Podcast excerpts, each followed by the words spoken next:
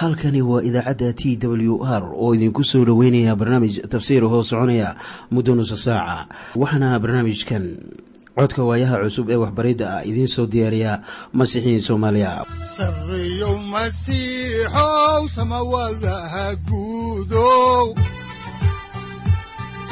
Siraadkii adduunkow subanaha eebow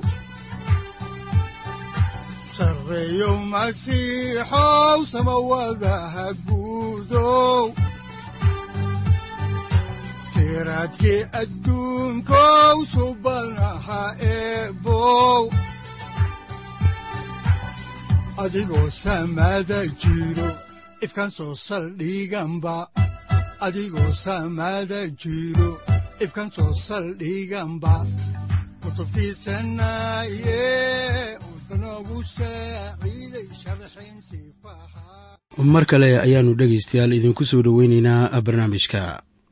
Waxaanan horay idinku sii wadaynaa daraasaadka aynu ka soo xiganayno kitaabka quduuska ah ee aynu ugu magac daray dhexmarka kitaabka quduuska ah waa barnaamij aad ku baranaysaan kutubta baibalka uu ka kooban yahay haddii ay ahaan lahaayeen kuwii axdigii hore iyo kuwa axdiga cusub. Waxaanan caawayey horay idinku sii wadi doonaa meeriska cutubka afraad ee injiilka sida maarkoos u qoray.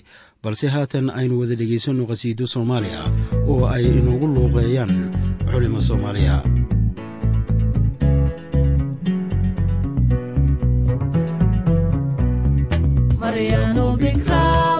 masiixi dhasho markaasaa la yaabo mucjisay ahayd iyadoo rag moogbay malaa'ig salaanto markaasay uroodo mucjisay ahayd maryanu bikraaba masiixi dhasho markaasaa la yaabo mucjisay ahayd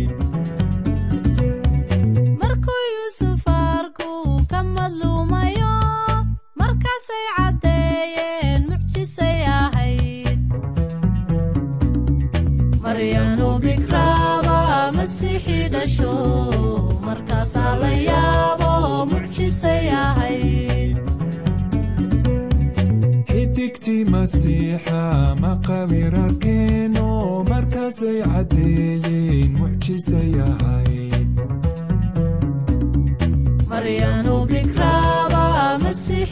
maryanu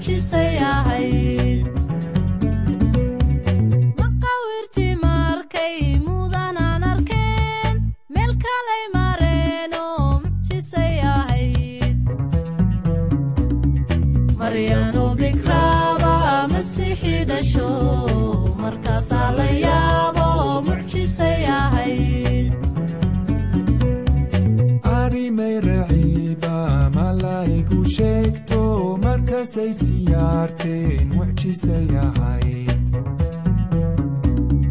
maryanu bikraaba markaasaa la yaabo mucjisay ahayd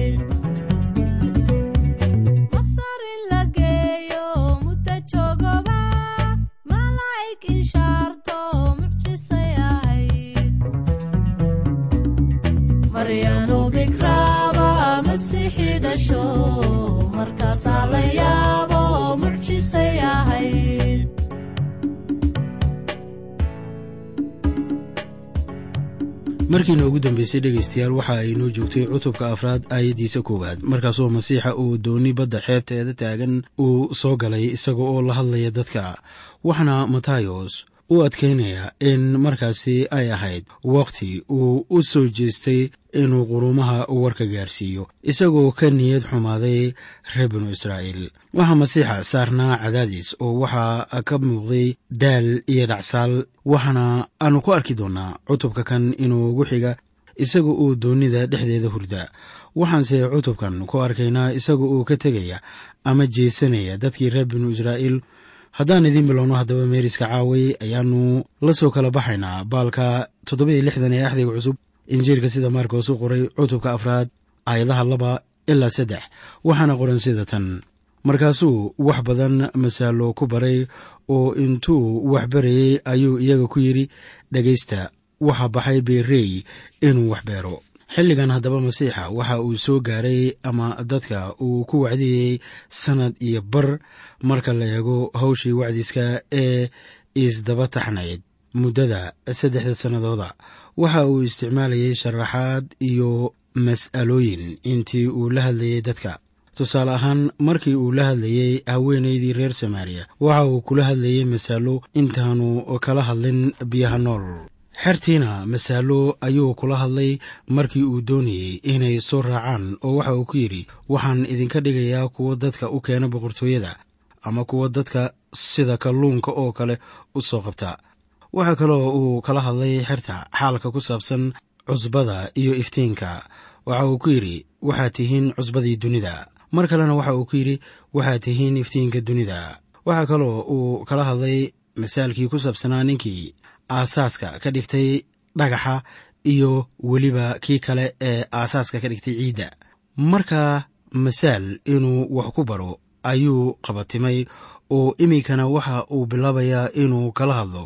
Wax ku saabsan beereyga oo masaal buuna kula hadlayaa. Balaynu la soo kala baxno baalka toddoba-iyo lixdan ee injiilka sida maarkoos u qoray cutubka afraad aayadaha afar ilaa toddoba waxaana qorniinka quduuska ahu leeyahay sida tan.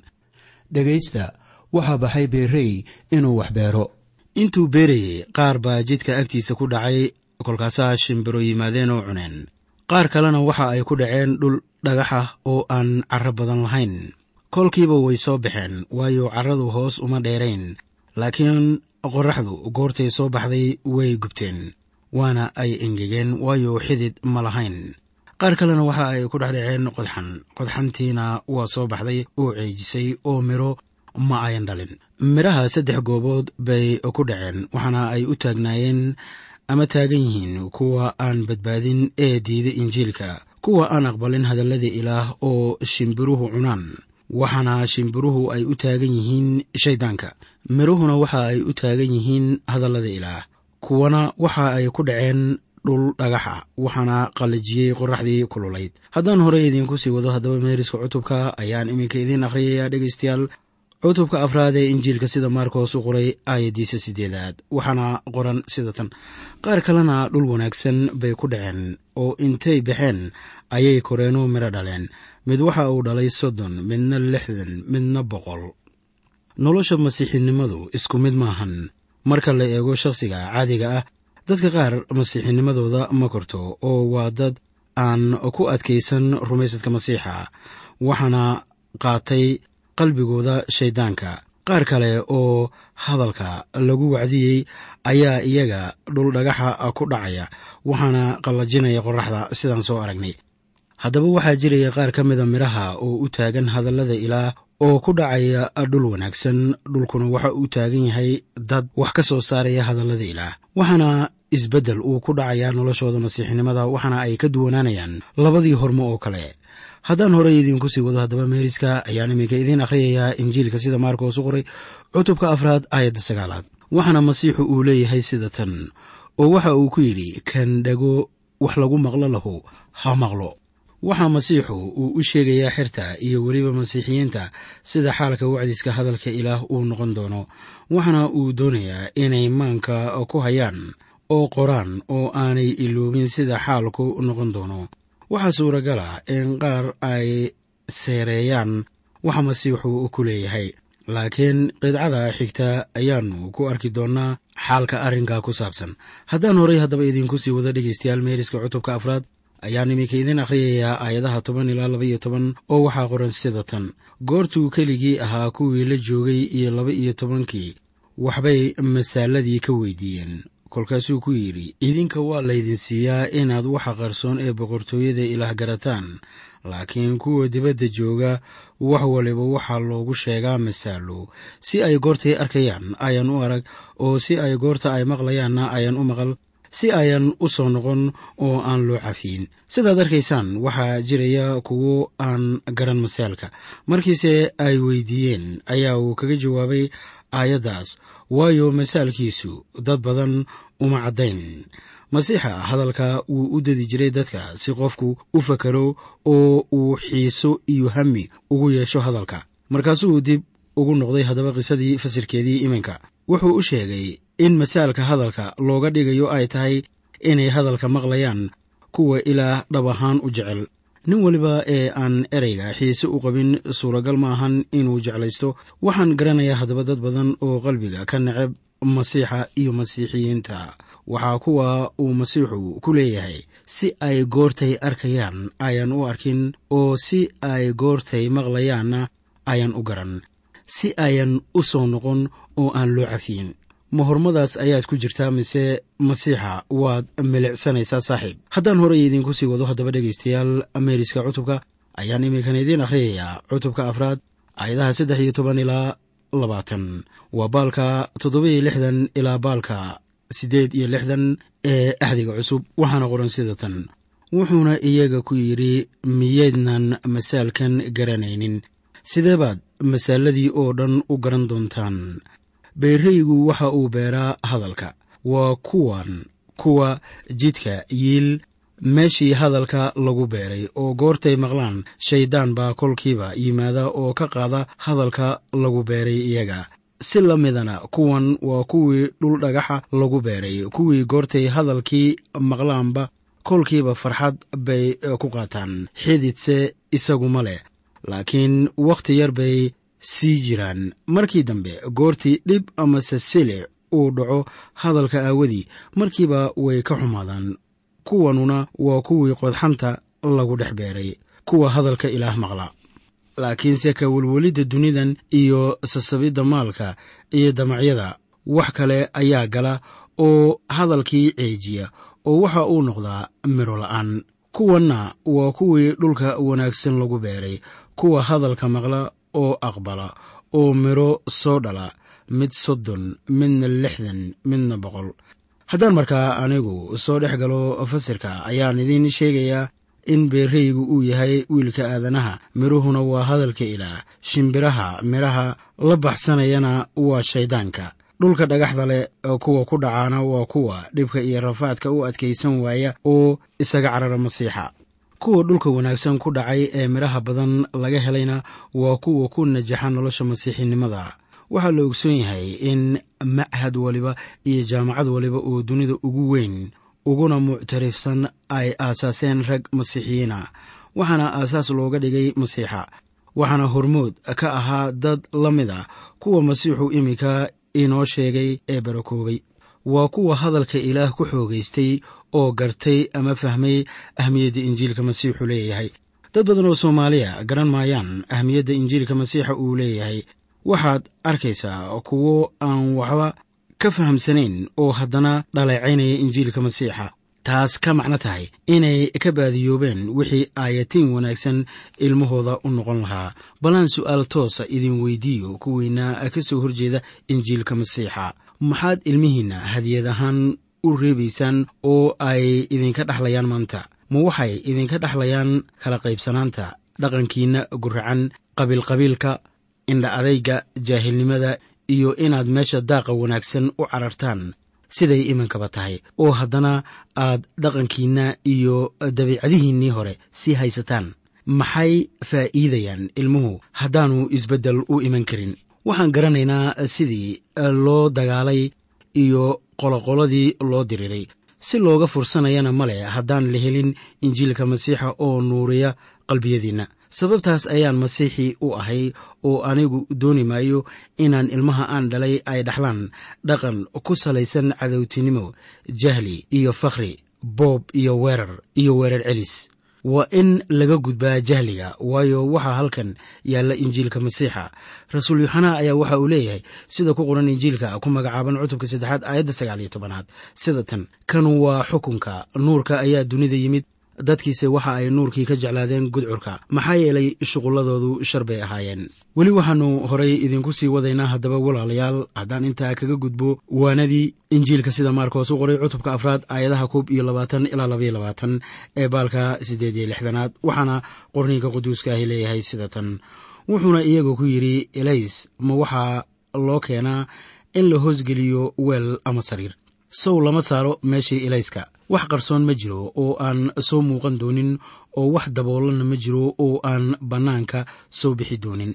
Waxaa iminka inta laynoogu sheegayaa ama aynu ku baranaynaa masaalka laambadda ama elayska waxaanan idinku leeyahay ninba intuu ninka kale ka xigmad iyo aqoon badan yahay ayaa uu ka mas'uuliyad weyn yahay.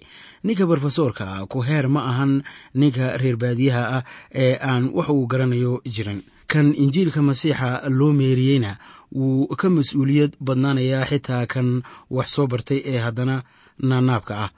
Waayo injiilka waa sida iftiin oo kale oo wax waliba hagaag baad u arkaysaa. Waxaana aan jecelahay inaan idin siiyo tusaale. Ciise masiix oo la hadlaya xirta ayaa waxa uu yidhi ninkii dembi sameeya waa addoonka dembiga. Miyaad garan kartaa haddaba waxa masiixu sidaa u leeyahay.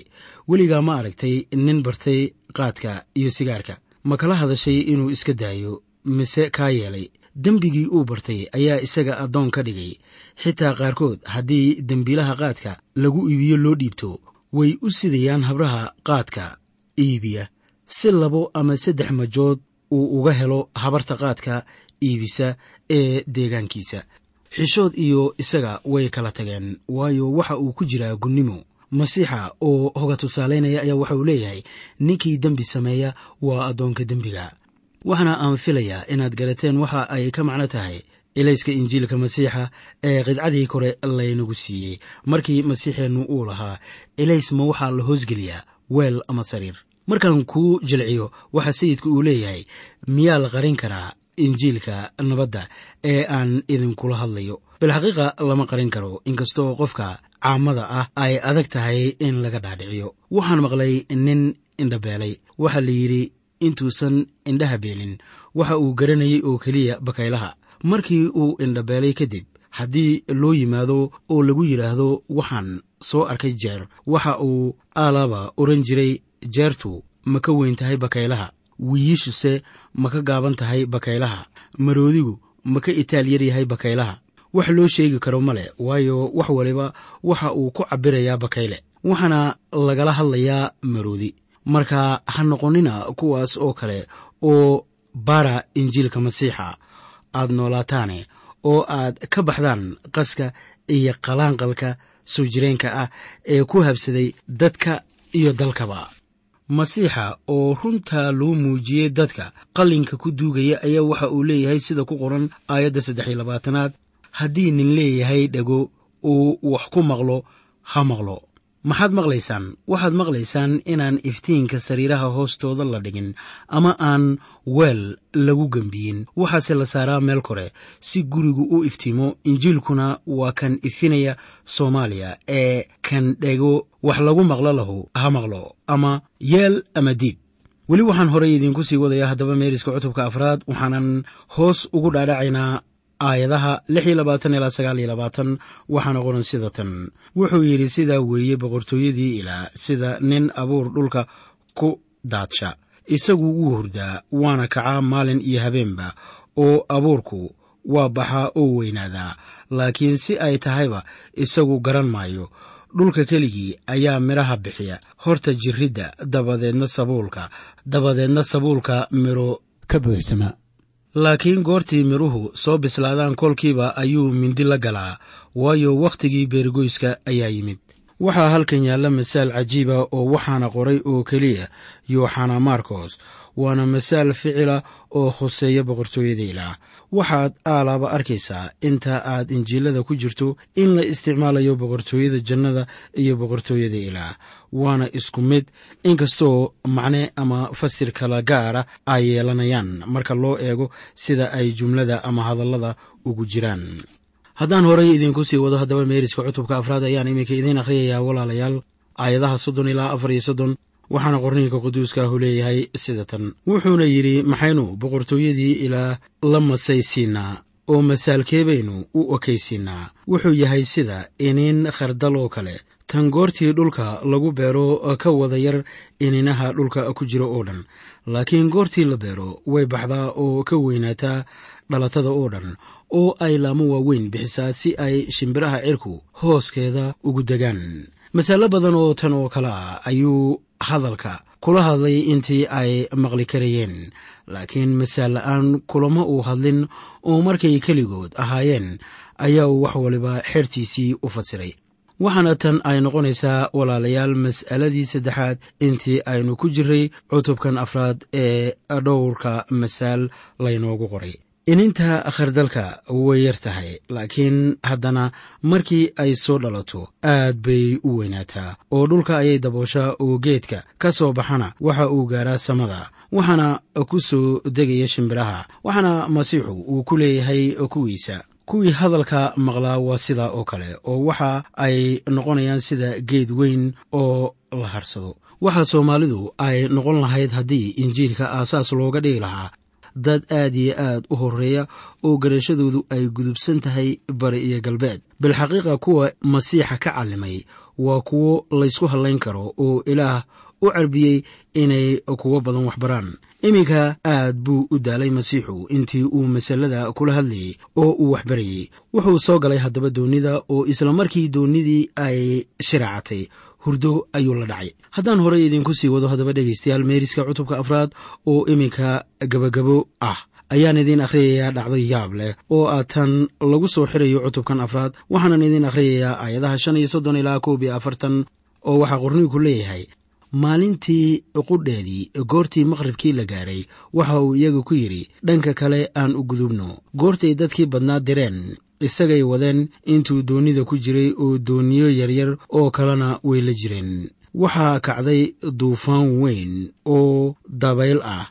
Hirarkiina doonniday ku dhaceen ilaa ay doonnidu buuxsamaysay. Isaguna waxa uu joogay xaggii dambe ee doonnida isaga oo barkin ku hurda. Markaasay toosiyeen oo ku yidhaahdeen macallimow miyaanay waxba kula ahayn inaynu lunno.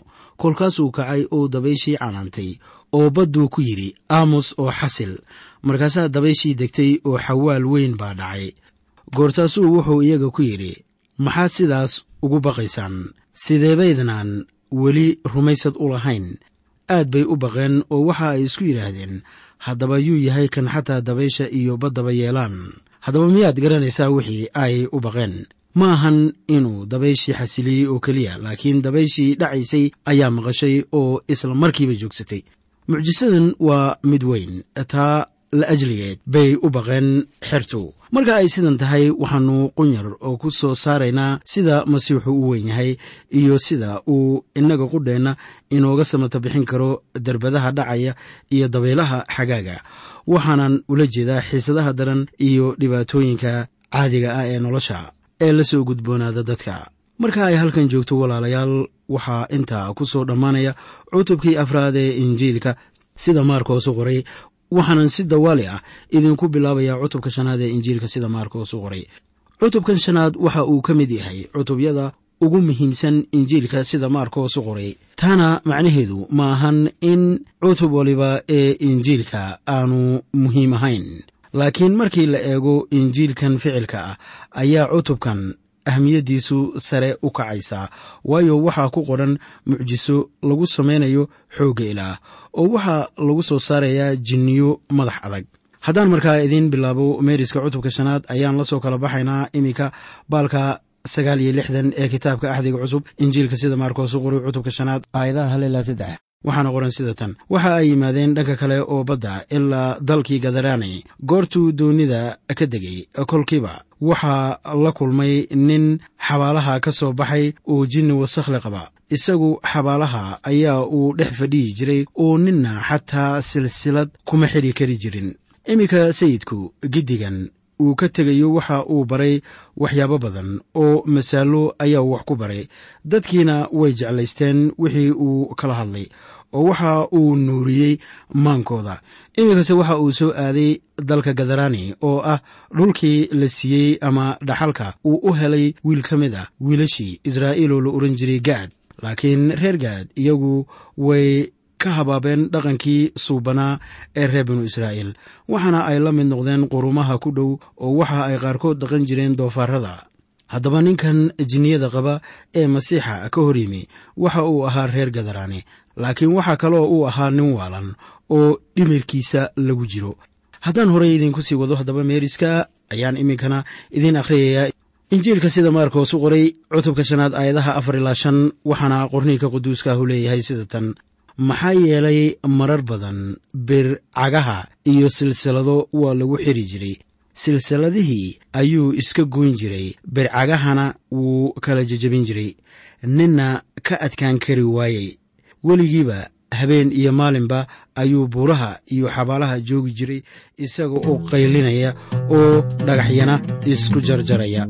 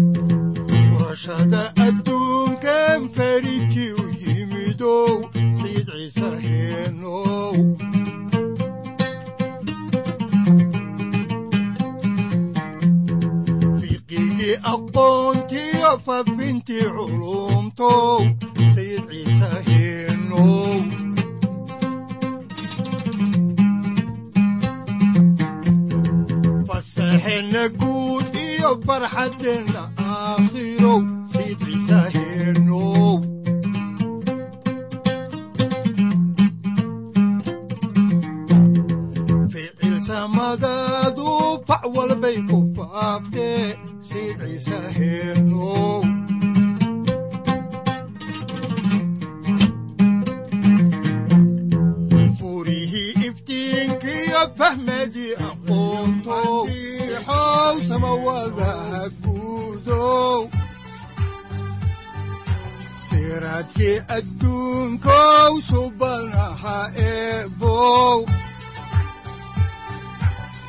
adigoo samada jiro ifkan soo saldhiganba adigoo samada jiro ifkan soo saldhiganba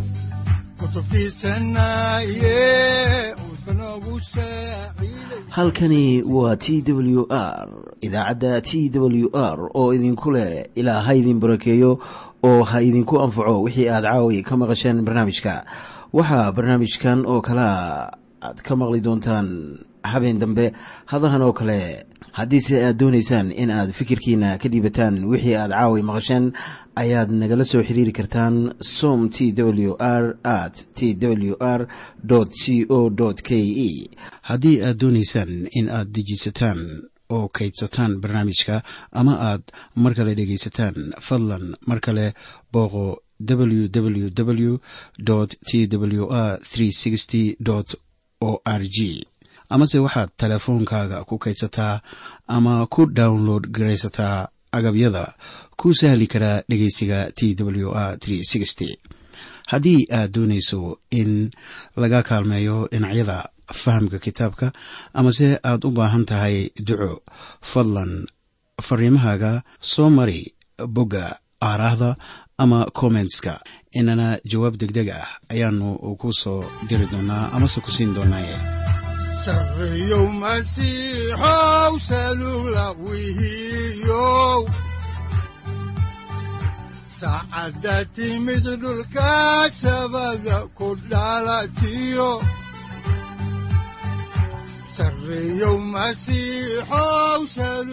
halkani waa t w r oo idiin rajaynaya habeen baraare iyo barwaaqaba leh.